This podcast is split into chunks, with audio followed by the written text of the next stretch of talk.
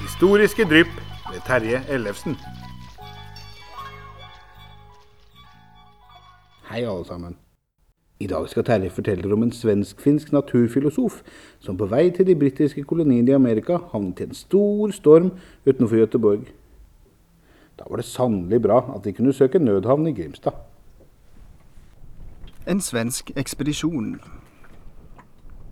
På midten av 1700-tallet var Lillesand et lite sted langs sørlandskysten. Men på begge sider av Lillesand lå større befolkningssentra med flere mennesker og mer aktivitet.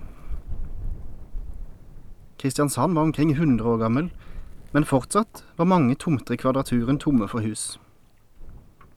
Et stykke østover lå Grimstad, eller Grømstad som det het den gang. Et atskillig større sted enn Lillesand. Men hva har dette å gjøre med svenskene? De fleste som har vokst opp i et møblert hjem, har nok hørt om vitenskapsmannen Carl von Linné, mannen som oppfant kategoriseringssystemet vi fremdeles bruker på alle slags planter og dyr. Linné tilhørte Svenska Kungliga Vetenskapsakademien og hadde en rekke disipler under seg. Under den store nordiske krig hadde foreldrene til en framtidig Linné-tilhører flykta fra Finland til Ångermanland i Sverige.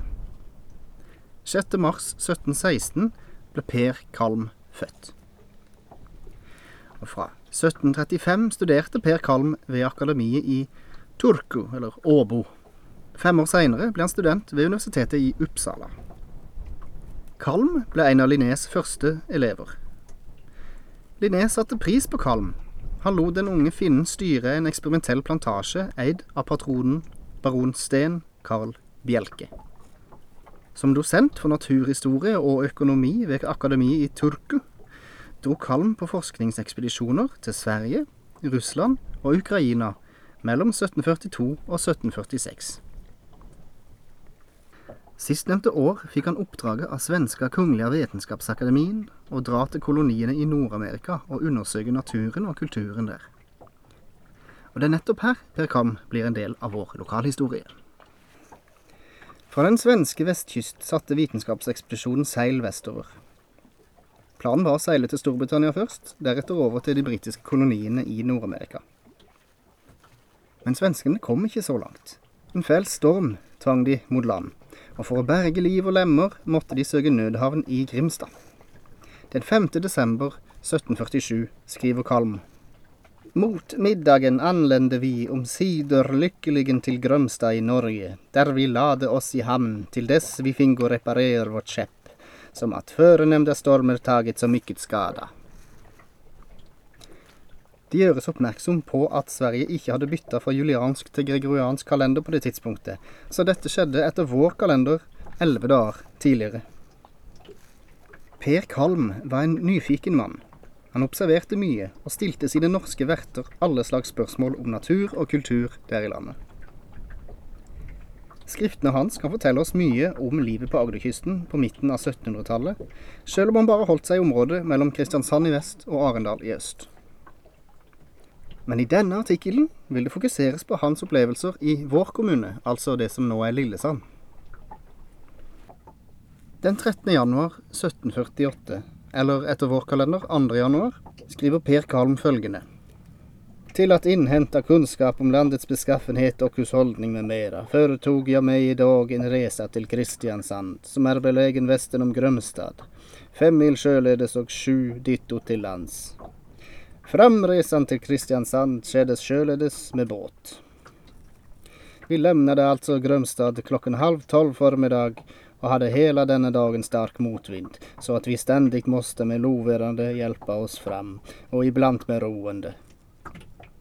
Klockan ett eftermiddag våro vi en stund oppe i Hamburgsund, som er en bekant hamn for sjøfarende, belägen en mil vest om Grømstad.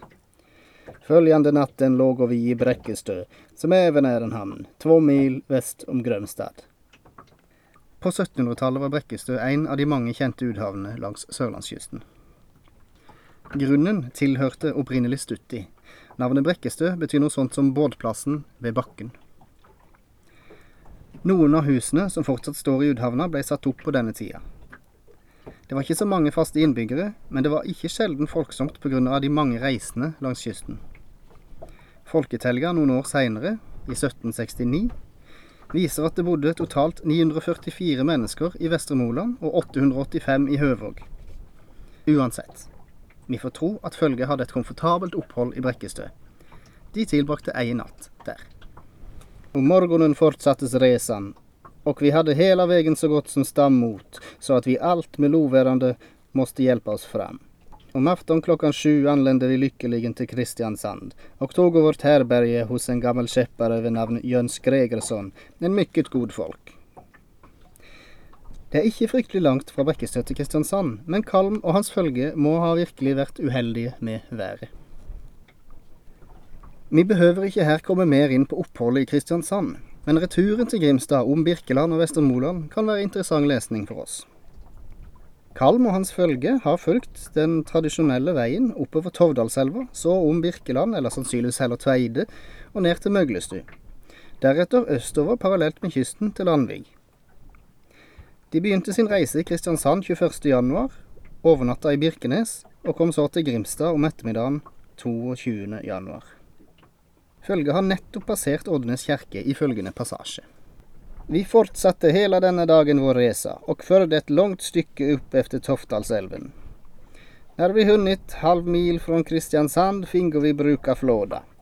Elven var nu belagd med is, fast somligsteds så svag at hesten som lopp for min flåda på et par ställen flåg igjennom. Denna älvens backar eller sidor voro mycket branta, ibland av tre, fyra famnars perpendikulär högd. Alla sidor av sandmark som på många ställen var täckt med skog. Vi reste denna afton förbi tvenne kyrkor av sten. Den ena på Toftalsälvsbacken med ett litet torn på. Den andra i en lund utan torn. Hela vägen gav ej annan utsikt än som en kedja av faseligen höga berg, vars sidor ofta vore ganska branta. Kjerkene Per Kalm og hans kumpaner har passert, må være Tveit og Gamle Birkenes kirke. De var begge steinkjerker fra middelalderen. Kart fra 1700-tallet viser at eh, det er de eneste kjerkene langs Tovdalselva og Kongeveien. Ellers er Kalm mest opptatt av naturen og hvordan bøndene driver jorda og skogen. De overnatta hos noen bønder et eller annet sted i Birkenes, før de dro videre. Den 22. skriver Kalm. Om morgonen fortsattes resan över skogbeväxta och någorlunda jämna orter, fast då och då någon brant och hög backa lät sig se. Skogen var mest allt av furu, fast somligsteds litet björk. Jordmon syntes vara sand och landet ljungmo, överväxt med tall. Sedermera reste vi förbi en hopstarvad kyrka, ty medlersta delen var av sten, men det östra och västra av trä. Den hade dock ett litet torn. Vidare över åtskilliga havsvikar, backar, träsk, små åkrar, ljungmoar samt omsider förbi en stenkyrka. Vi såg och hela denna vägen här och där höga berg. Anteligen ankommer vi straks efter middagen hjem til Grømstad. Så er jo spørsmålet hvilken hopstarvad kyrka er det som Kalm har observert? De passerte den på reisens andre og siste dag før de nådde kysten. Beskrivelsen er ikke detaljert, men klar og tydelig for så vidt. Midterste delen av stein, østre og vestre del av tre. Kirka hadde òg et lite tårn. Og det er den nest siste kirka før Grimstad, og Landvik kirke må jo være den siste. Siden kongeveien gikk om Landvik og ikke Eide, kan det ikke være Eide kirke. Basert på det så antar jeg at Per Kalm har sett Vestre Moland kirke i januar 1748. Beskrivelsen stemmer, og den lå rett med hovedferdselsåra fra Grimstad til Kristiansand. Vi vet at Vestre Moland kirke i 1748 har hatt et lite tårn fra 1600-tallet med to klokker i. Kirkeskipet var middelalderkirka i mur, mens det var tårn og våpenhus i vest og sakristi i øst. Disse var bygd henholdsvis på 1630-tallet og i 1743 i treverk. Fra Norge dro Kalm videre til Storbritannia, hvor han ble et halvt år. Han møtte mange framtredende britiske botanister og undersøkte alt rundt seg og noterte flittig. Deretter seilte han over til Amerika, nærmere bestemt Pennsylvania. Etter å ha returnert til Sverige organiserte Kalm sine notater fra ekspedisjonen. Og mellom 1753 og 1761 kom En resa til Norra-Amerika ut i flere bind og store deler av teksten har blitt oversatt til mange språk, og er fortsatt en meget viktig kilde til de amerikanske kolonienes historie. Delen om hans norske opphold har kanskje ikke fått så stor oppmerksomhet her i kommunen, men det er ei gullgruve for Sørlandets historie.